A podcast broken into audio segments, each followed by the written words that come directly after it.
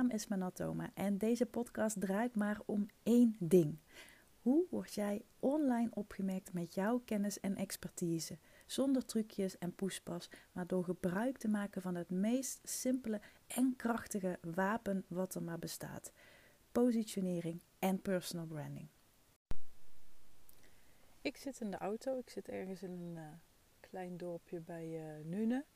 We staan uh, geparkeerd. Rick is even bij een uh, motordealer naar binnen. Waar we heel vaak komen. Waar echt hele mooie Ducati's staan. Maar we hebben Okkie bij. Dus uh, ik zit samen met Okkie even in de auto te wachten. Dus als je e-, af en toe wat um, geschavel hoort. is dat een woord? Dan, dan weet je dat het Okkie is. Maar het regent heel hard. Dus ik blijf ook lekker in de auto zitten. Maar ik dacht, ik kan misschien de tijd dat ik aan het wachten ben wel even optimaal benutten. Eigenlijk is dat optimaal benutten ook precies waar deze podcast over gaat. Ik heb het al vaker laten vallen natuurlijk, dat ik het principe van de 4-hour work day hanteer. Het is niet te verwarren met de 4-hour work week, maar daar heb ik het natuurlijk wel van gejat. Van het befaamde boek van uh, Tim Ferriss heet hij. Dat boek gaat heel erg over ja, zo min mogelijk werken met zo maximaal mogelijk resultaat. Daar komt het in principe op neer. Ik heb er best wel goede dingen uit opgehaald, maar het was niet iets waar ik heel erg van mega van aanging. En um, dat had ik in eerste instantie wel gedacht, omdat ik er zoveel uh, dingen over hoorde. Maar misschien heeft dat ook wel te maken met het feit dat ik werken gewoon heel erg leuk vind. Ik merk ook dat het hebben van een bedrijf en alles wat daarbij komt kijken, dat het een heel belangrijk deel van mijn identiteit is. Ik heb al. Ik zeg niet dat ik al vanaf kinds af aan een eigen bedrijf wilde. Ik stond natuurlijk wel op rommelmarkten dingetjes te verkopen en zo. Maar nou, echt het, het, het, idee van een eigen bedrijf kwam. Um, ik denk dat ik zo rond de 18 jaar was. Dat ik stages had gelopen en uh, die waren niet zo goed bevallen. Daar heb ik het al eens eerder in een podcast over gehad. En uh, ja, toen ontstond heel erg het idee van hoe tof zou het zijn als ik voor mezelf kan werken. Gewoon mijn dag kan indelen hoe ik dat wil. Met mensen kan werken. Met wie ik wil werken. En dus daar is die droom ontstaan. En um, ja, de eerste jaren van mijn uh, ondernemerschap heb ik echt kei en kei en keihard gewerkt. En ook heel erg afgezien. Ja, kun je nog vragen wat is afzien. Maar um, ja, 80 uur in de week werken. Dat, uh, ja, dat, dat, dat is gewoon niet vol te houden. Ook al vind ik mijn bedrijf heel leuk, dat vind ik geen goede. Dat slaat door, om het zo maar te zeggen. Dus in het begin heb ik daar wel heel erg uh, moeite mee gehad. Dat je ook heel erg zoekende bent naar. Ja, wat, wat, waar excelleer ik nu echt in? Waar ben ik nu rete goed in? Waar ga ik enorm van aan? Maar ook waar gaat een ander heel erg van aan? Dus ik heb ook echt wel in de fase gezeten dat ik dingen aanbood. Niet zozeer heel anders dan nu, maar ja, dat ik er op een andere manier over communiceerde, waardoor mijn boodschap niet aankwam, niet het juiste effect had en ik daar dus ook geen resultaat van uh, opmerkte. Dus daar heb ik echt wel in het begin heel erg mee, uh, ja, gespeeld, ervaren. Ik heb natuurlijk ook wel links en rechts wat coaching gehad en programma's gevolgd. En zo heeft zich dat steeds meer gevormd. En dat hele vormen, dat heeft ook te maken met je eigen ervaringen. Dingen die je meemaakt, dingen die impact hebben. En wat op mij en mijn leven en mijn ondernemerschap een behoorlijke impact heeft gehad, ja, dat was het ziek worden. Dus dat ik ziek werd eh, vier jaar geleden. En ja, ik ben, ik ben nog steeds ziek. Er, er is een hele podcast waar ik daar uh, wat meer over uit de doeken doe. Dus als je geïnteresseerd bent hoe dat is gelopen en welke effecten dat op mij heeft gehad, dan kun je die even luisteren. Maar ja, dat soort dingen neem je dus heel erg mee en dat vormt je heel erg. Kennis, dat vormt je, klanten vormen je, ehm, maar ook ervaringen in het leven vormen je. En die geven ook weer ja, een soort, ehm, een soort uh, dynamiek of zo aan dat wat je doet. Dus je kunt letterlijk met een andere invalshoek weer dingen benaderen. En dat is ook een beetje het hele punt van deze podcast. Want door die ziekte werd ik noodgedwongen teruggeworpen op ja, halve dagen werken. Daar komt het een beetje op neer. En soms doe ik wel wat meer. Maar dan heb ik de dag daarna meestal weer dat ik minder doe. Dus effectief kun je zeggen dat ik zo een halve dag bezig ben. En in alle eerlijkheid misschien nog wel minder. Maar goed, het is nu zaterdag. Het is uh, eh, 4 december. En uh, ja, ik sta hier op een parkeerplaats bij een, uh, bij een hele fijne motordealer. en we kunnen niet naar binnen natuurlijk, want ik heb uh, Okkie bij. Maar ja, ik ben nu natuurlijk feitelijk aan het werk. Want die podcast, die, ja, die neem ik op voor mijn plezier. Ik, heb daar heel veel, ik beleef daar heel veel lol aan. Ik krijg er ook hele leuke reacties op. Dus ik doe het echt niet omdat ik het vervelend vind. Maar uiteindelijk is het natuurlijk wel werkgerelateerd. Want ik doe het om mezelf te laten horen in dit geval. Om je bekend te maken met wat ik doe, wie ik ben, waar ik voor sta, wat je van me kunt verwachten. Maar ook gewoon wat voor type ik ben. Daar draait het natuurlijk heel erg om. Dat maakt uiteindelijk dat je een, een persoon kiest om mee samen te werken. Dus ja, ik ben nu op een zaterdagmiddag feitelijk even een kwartiertje aan het werk. Dus die vier uur durende werkdagen, die kun je natuurlijk niet heel concreet afmeten. Maar de afgelopen week kreeg ik een uh, reactie op mijn uh, e-mail, nieuwsbrief. Heel veel reacties trouwens. Ik, uh, ik heb helemaal niet zo'n grote lijst. Ik heb volgens mij maar iets van duizend mensen of zo erop staan. Maar um, ja, daar kwamen echt best wel veel reacties op. Ik denk niet dat ik een nieuwsbrief heb geschreven of een e-mail heb geschreven die ooit zoveel reacties teweegbracht. Want ik introduceerde een soort van, ja, niet officieel, maar ik liet de voor Our Workday wel eens vallen. Maar ja, dat was dan meer als een grapje. Maar nu ging ik daar echt een beetje op in. En ehm, ik ging echt wel vertellen waarom ik dat concept, wat ik natuurlijk een beetje gekscherend en voor de gein heb gejat van uh, Timothy Ferris, van de 4-Hour Workway, van het 4-Hour Work Week van het boek. En ja, het is een beetje als een soort knipoog ontstaan, maar ik merk dat mensen daar heel erg op aanhaken. Want als je online bent, dan gaat het eigenlijk altijd over meer geld verdienen. En dat is fantastisch. Ik ga daar heel erg van aan, mensen die daarover spreken en praten. Ik, I love it. Maar ik merk wel, als je mij wilt triggeren, en vooral naar wat ik heb, eh, wat ik heb ervaren, en ik ben gewoon letterlijk op een heel ander niveau naar het leven gaan kijken. En dat klinkt super sleazy en dat je denkt van, nou, maak er een tegeltje van en hang het als een inspirerend uh, als een inspirerende uitspraak op het toilet. Ik snap wel dat het zo klinkt, maar zo is het wel. Zo voelt het wel. Ik heb letterlijk ervaren dat ja, de hele dag door werken en er maar van aangaan dat mensen bij je komen, dat ze klant worden, dat je niks kan gebeuren. je voelt je onoverwinnelijk, maar dat ben je gewoon niet. Dat ben je gewoon niet. En als je daarmee te maken krijgt met letterlijk zo'n tegenstander, dan, dan word je gedwongen om op een heel andere manier naar je business te kijken, letterlijk. Want het was bij mij echt geen vrije keuze dat ik na halve dagen werken ging.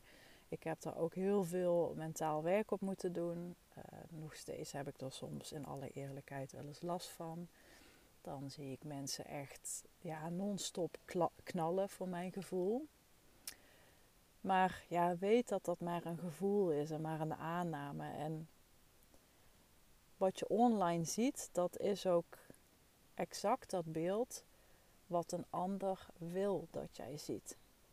En dat iets online zo lijkt, betekent niet dat het ook per se zo is. Dat is ook echt iets wat ik heb moeten leren, want ik kon me daar enorm blind op staren. En dus ook al die berichten over 50k maanden, 20k maanden.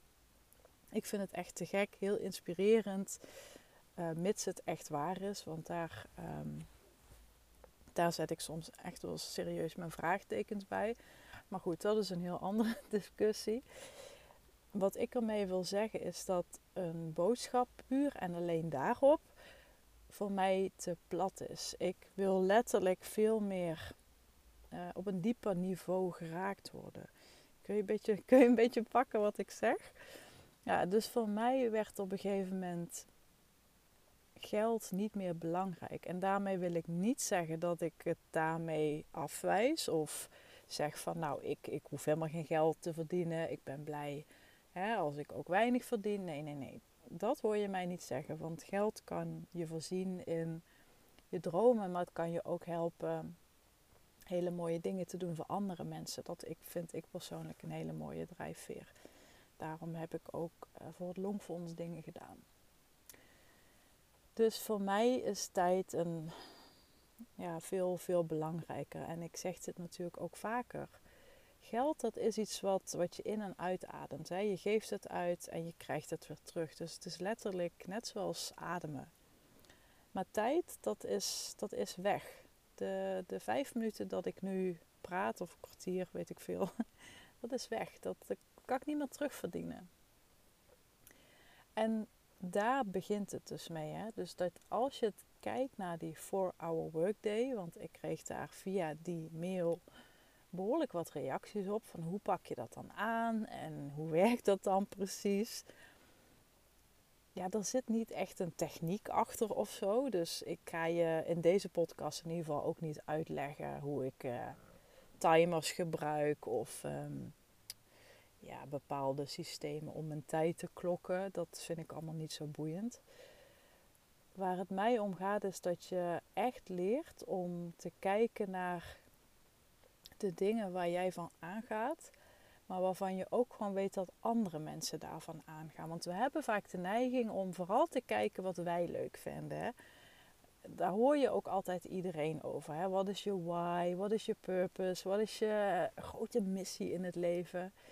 En ik zeg dan ook altijd: laat dat nou eens gewoon los, maar focus je op de missie van de ander. Want hoe meer je daarop focust en hen daarbij helpt, des te beter het jou ook afgaat.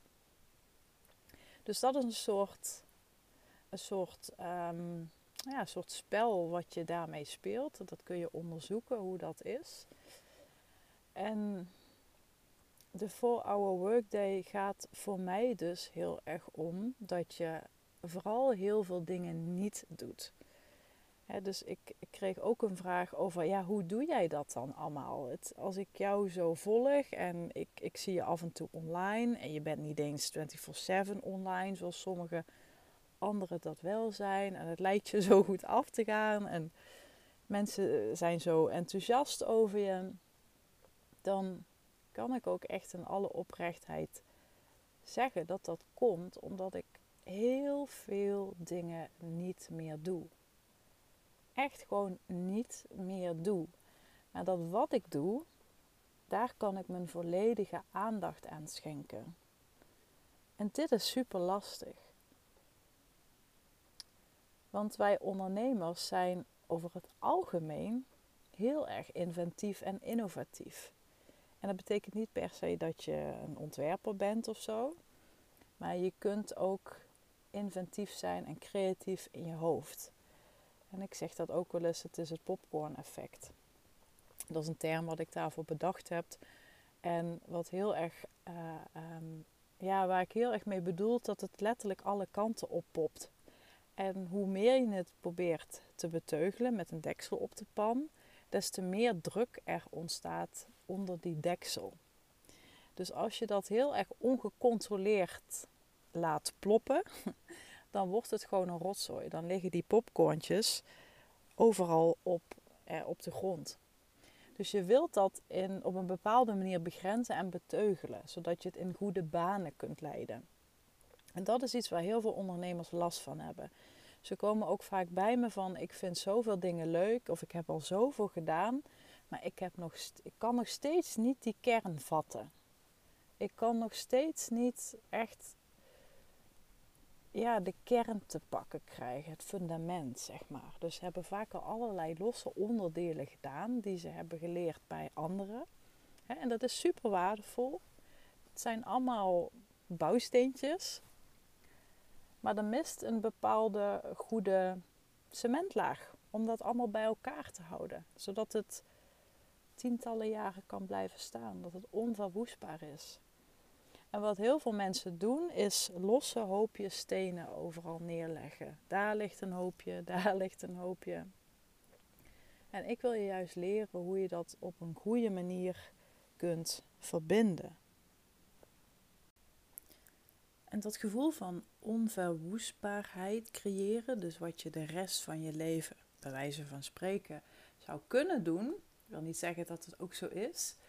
Dat begint met alles te optimaliseren. En daarmee begon ik natuurlijk de podcast ook. Hoe kun je je tijd zo optimaal mogelijk benutten, zodat je er ook het allerhoogste rendement mee behaalt. En dat rendement, dat kun je alle kanten optrekken. Hè? Dat, dat kun je optrekken richting hoe hou jij er zoveel mogelijk tijd aan over. Uh, wat kost jou uh, de minste rompslomp? Waar heb jij de, de laagste kosten mee? Uh, maar vooral ook hoe help jij jouw klant op de allerbeste manier, zodat ze ook echt het gevoel hebben van dat wat wij samen hebben gedaan, dat heeft superveel voor mij opgeleverd. En misschien is er een hele waslijst aan dingen die jij met klanten doet. Ik had dat tot een aantal jaren geleden ook nog, voordat ik ziek werd. Ik had zelfs nog een aantal hele grote klussen lopen als grafisch designer slash DTP'er. Dat liet ik aan de voorkant niet zo zien. Maar daar haalde ik wel een, nou, een best wel een lekker maandsalaris al mee binnen. Maar ik wilde me natuurlijk niet meer zo profileren als grafisch ontwerper. Dus ik deed dat achter de schermen nog een beetje. Maar dat was wel een van die dingen waarvan ik dacht: ja, het kost mij heel veel tijd.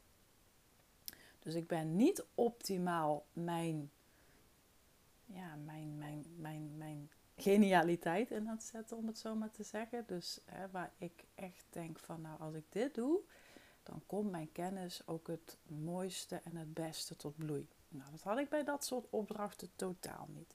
Dus als je het dan hebt over je tijd optimaal benutten, maar ook je kennis optimaal benutten, dan was dat een van de dingen die wegviel. Dus zo kun je heel erg kijken naar ja, wat, is, wat kan bij jou in je bedrijf optimaal voor je werken en voor de ander, zodat het ook het meeste rendement oplevert voor jezelf en voor een ander. En dan komen we terug op waar deze hele podcast om draaide. De 4-hour workday. Ik denk dat het principe van de 4-hour workday, eh, nogmaals, ik heb het natuurlijk gewoon als een geintje gejat van het befaamde boek.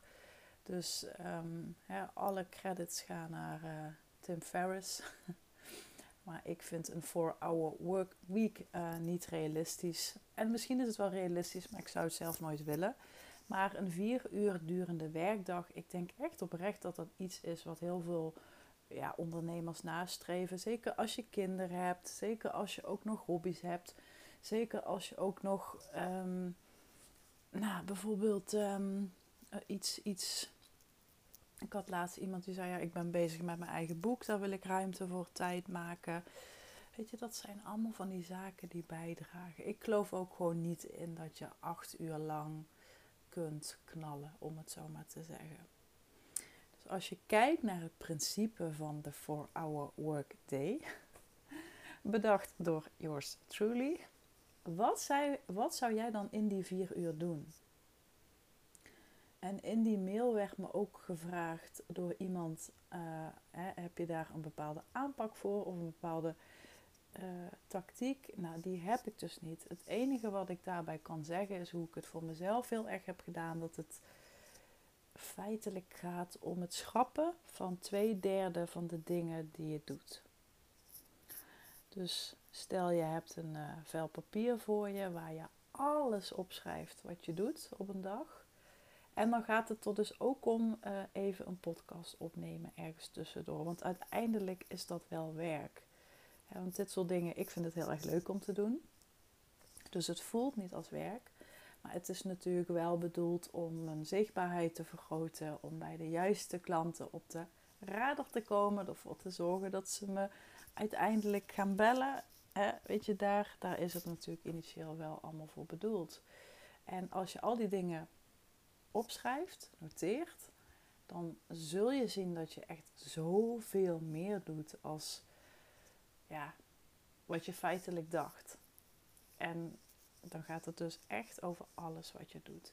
Van de administratie tot je uh, btw-aangiftes, tot ehm, je website bijhouden, tot, um, tot bepaalde acties, tot bepaalde systemen aanbrengen in je bedrijf. Hè. Dus stel je voor, ik heb als ik met een klant opnieuw start, dan heb ik een document met dingetjes die ik moet doen. Ik heb een standaard e-mail klaarstaan. Hè, dat moet je natuurlijk nog wel een beetje aanpassen. Maar het zijn wel dingen die ik al klaar heb staan. Dus waar ik niet weer opnieuw helemaal over hoef na te denken. En dat scheelt natuurlijk geen urenwerk. Maar als je alles bij elkaar optelt aan het einde van het jaar, dan ben je daar echt wel heel veel tijd mee kwijt. Dus ook dat behoort bij het optimaliseren. En ehm, als je dat voor jezelf eens helemaal hebt uitgewerkt, dan ja, even heel rigoureus, hè, maar dan wil je feitelijk de helft van al die dingen wat je hebt opgeschreven, wil je weghalen. En dan hou je dus de helft over. En van die helft wat overblijft, wil je ook nog een keer de helft weghalen. Dat is echt super uitdagend en heel erg moeilijk, want dat betekent dat je echt van heel, heel, heel veel dingen afscheid moet nemen. Maar dit is een beetje hoe ik het destijds heb aangepakt. Dus ik heb letterlijk de helft van alles wat ik deed apart gezet. En dan de helft van wat ik overhield, daar heb ik ook nog geprobeerd om daar de helft van af te halen. En dan hou je dus nou ja, twee lijsten feitelijk over. En van die lijst wat overblijft, kan ik me ook voorstellen dat je denkt van ja, maar daar kan ik niet gewoon maar zomaar blind mee stoppen. ik vind de, de, belastingaangifte doen uh, helemaal niet leuk, maar daar kun je natuurlijk niet mee stoppen. Althans, ja, kun je wel doen, maar ik denk niet dat het heel goed voor je gaat uitpakken. Maar als je dat voor jezelf hebt, uh, die, die, die, die duidelijkheid voor jezelf hebt gecreëerd, dan kun je na gaan denken over: oké, wat voor dingen en dan pak je gewoon een stift, ga je omcirkelen. Wat zijn de dingen die je kan automatiseren? Dus bijvoorbeeld dat wat ik net zei bij het aanmelden van een nieuwe klant, heb ik een aantal standaard dingen klaarstaan en dat hoef ik maar te knippen en te plakken en dan is het gedaan. Um, een e-mail funnel. Gewoon een basis e-mail funnel met als iemand zich aanmeldt, in mijn geval bijvoorbeeld voor mijn webinar, komen er daarna opvolgend een aantal e-mailtjes. Dat zijn allemaal dingen dus die je kunt automatiseren. Het inboeken van kennismakingsgesprekken kun je automatiseren. Ik gebruik bijvoorbeeld Calendly. Dat is een tool daarvoor. Maar je hebt, je ook, je hebt ook you, can, you Can Book Me, heet het volgens mij. Dus dat zijn allemaal van die ja, handigheidjes die je kunt gebruiken om te laten automatiseren. Dan kun je met een andere kleurstift gaan kijken, oké, wat zijn de dingen die ik ook nog steeds wel moet blijven doen in een business, maar die je kan delegeren.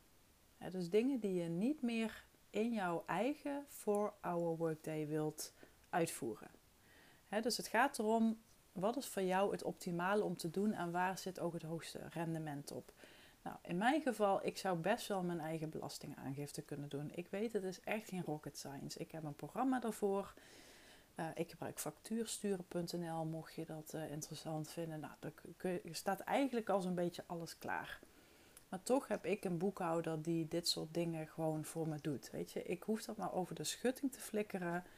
En bij wijze van spreken te zeggen, regel het. En het wordt gewoon geregeld. Dus dat zijn van die dingen die je onder delegeren kunt uh, schakelen of zetten. Een ander voorbeeld, ik heb voor mijn uh, één op één programma en ook voor mijn on-live groepsprogramma heb ik een volledige online leeromgeving laten maken. Want ik weet natuurlijk, en die fase heb ik ook gehad, dat ik alles zelf deed, dat ik alles zelf ging uitzoeken hoe ik dat moest doen. Uh, dat ik dat allemaal aan elkaar ging koppelen. Ik ging ook gewoon mijn eigen lessen bedenken. Maar ik dacht, nee, ik wil dit gewoon ook didactisch goed voor elkaar hebben. Ik wil dat dit goed in elkaar overloopt.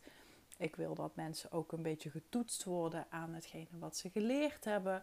Dus ik heb besloten om dat hele stuk te delegeren. En er is altijd een tijd en een plaats om dit te gaan doen. Hè? Ehm, want je snapt dat dit een dergelijke investering is om zoiets te doen. Je huurt een opleidingskundige in, een e-learning expert. Ja, dat, je betaalt daar, je, je, je klokt gewoon uren en dat loopt op.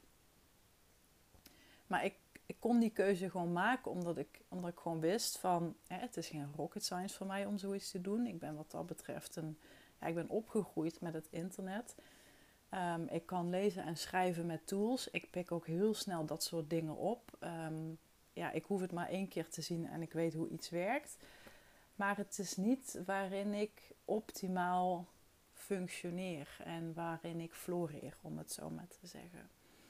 Dus dat stukje heb ik volledig uitbesteed. Helemaal uit handen gegeven. Ik heb echt niks hoeven doen, alleen maar op de afgesproken momenten moeten goedkeuren, moeten checken en, en af en toe eens even bellen of zo. Hè. Ehm, dat dan wel. Maar ik heb het vroeger ook gewoon heel anders gedaan. Sterker nog, ik heb al mijn online cursussen die ik ooit heb gehad, allemaal. Ik heb dat allemaal zelf gemaakt. Ik heb daar heel veel tijd en energie in gestoken. Simpelweg omdat ik destijds niet de financiële middelen had om, ja, om het professioneel te leren, zeg maar, of ehm, te laten doen.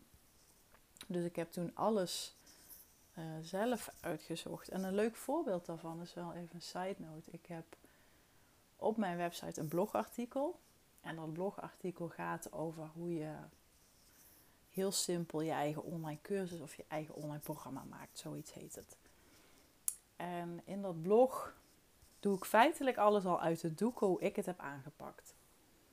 En op een gegeven moment dacht ik, hé, hey, ik heb ook nog, omdat ik destijds die stappen allemaal zelf doorliep, ik hield alles bij in een Trello-bord. dus als je het dan hebt over automatiseren, uh, systematiseren, um, dingen vastleggen, dan is zo'n Trello-bord daar een voorbeeld van. Dus ik had een Trello-bord met al mijn stappen die ik doorliep om zo'n online cursus te maken. Met allerlei handigheidjes.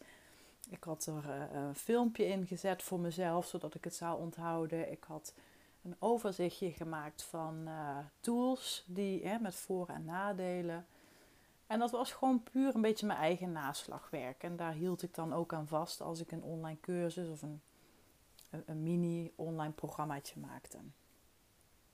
Dus toen ik, die, eh, toen ik dat blog had geschreven, toen bedacht ik me, weet je wat? Ik kan dat Trello-bord ook gewoon verkopen. want ik heb daar heel veel aan gehad. Het is natuurlijk mijn core business helemaal niet om online programma's te verkopen of om anderen dat te leren. Maar ik wist, ja, hier hebben ongetwijfeld heel veel mensen baat bij. Dus ik heb ook daar gewoon weer een koopknop opgezet. Dus dat je standaard, als je dat product koopt, dat je toegang krijgt tot mijn Trello-bord. En daar heb ik verder helemaal geen omkijken meer naar. Dus ook dit is ja, heel slim kijken naar wat kun je automatiseren, maar ook kijken van wat heb je allemaal nog, wat doe je allemaal, wat heb je allemaal op het schap liggen, wat je zou kunnen automatiseren, wat je misschien maar hoeft af te stoffen en waarmee je wellicht toch op een bepaalde manier passief inkomen kunt verdienen. En ik zeg niet dat ik hiermee 10.000 euro's per maand verdien, maar ja, het verkoopt toch een aantal keer per maand. Dus dat zijn op zich best leuke dingen.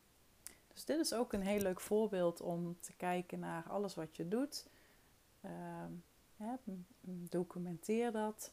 Dan heb je toch een soort van systeem dat geeft ook weer ruimte, dat geeft ook weer tijd. En nou, op die manier ga jij steeds beter en optimaler met dat stukje om, dat stukje kenniskapitaal waarmee je echt de meeste waarde toevoegt. Dus als je die, ik ben even helemaal uitgeweid merk ik over dat online programma. Dus even terugkomen op de 4-hour workday. Hoe doe je dat? Maak een overzicht van dingen die je doet.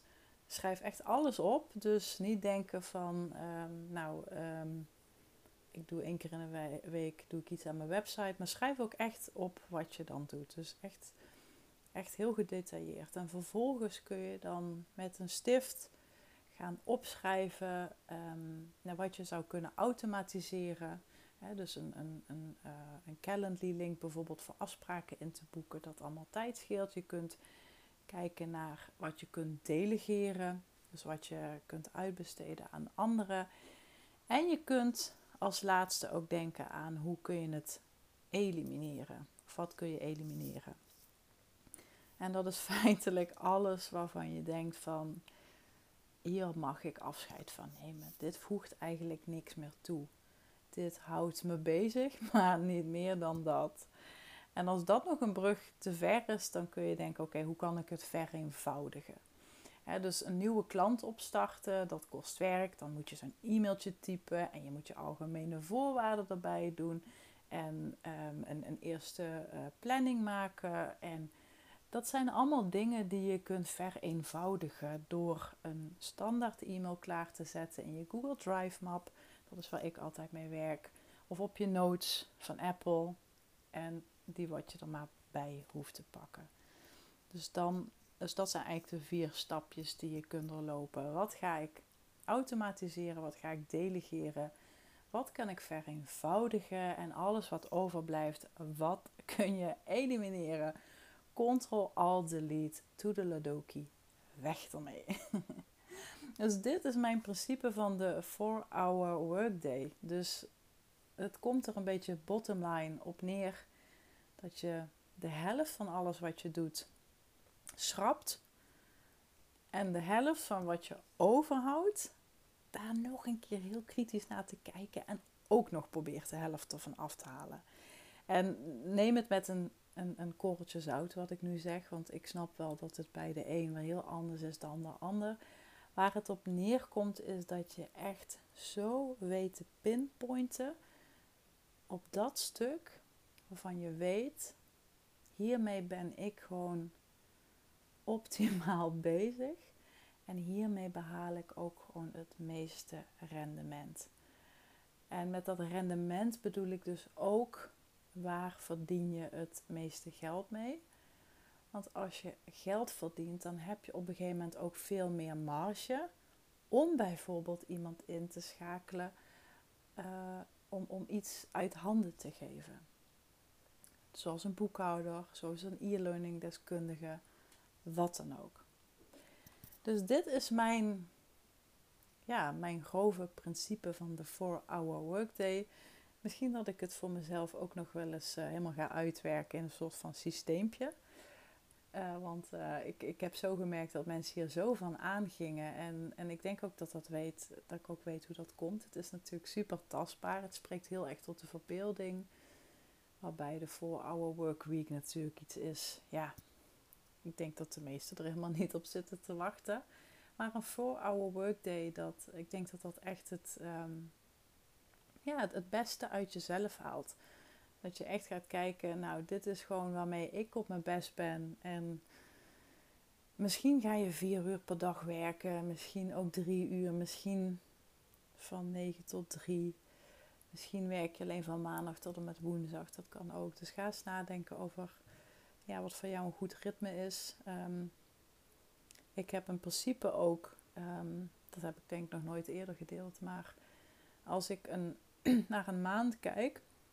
Ik heb natuurlijk iedere maand of iedere dag, iedere week hè, allerlei afspraken staan. Maar er is altijd één week in de maand die ik helemaal vrij hou van afspraken. Echt gewoon helemaal niks. Het liefste echt niks.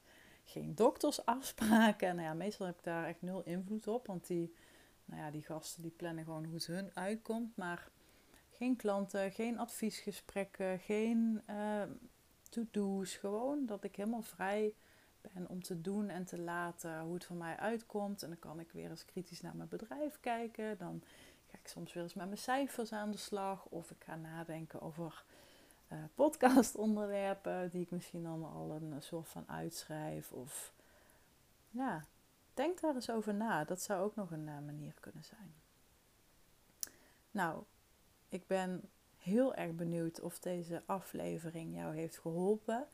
Alle mensen in ieder geval die ernaar informeerden. Dit was dus de podcast over de 4-hour workday. Ik hoop dat het je heeft geholpen. Laat het me weten. Dat kan via een Instagram DM of via mail of via WhatsApp. Kijk maar even wat je, wat je fijn vindt. En mocht je dit nu een toffe aflevering vinden, dan zou ik het enorm waarderen als je een review achterlaat op uh, Apple Podcast. En, uh, en natuurlijk ook het liefst met 5 sterren als het kan. en vergeet je ook niet te abonneren, dan uh, ja, ben je altijd op de hoogte van nieuwe afleveringen. En mocht je nu in gesprek willen hierover en denken, hmm, dat voor Our Workday, daar ben ik wel benieuwd naar, hoe zou dat er van mij uitzien? Kom even op de lijn, plannen we een call en dan uh, spreek ik je heel snel. Tot gauw, bye bye.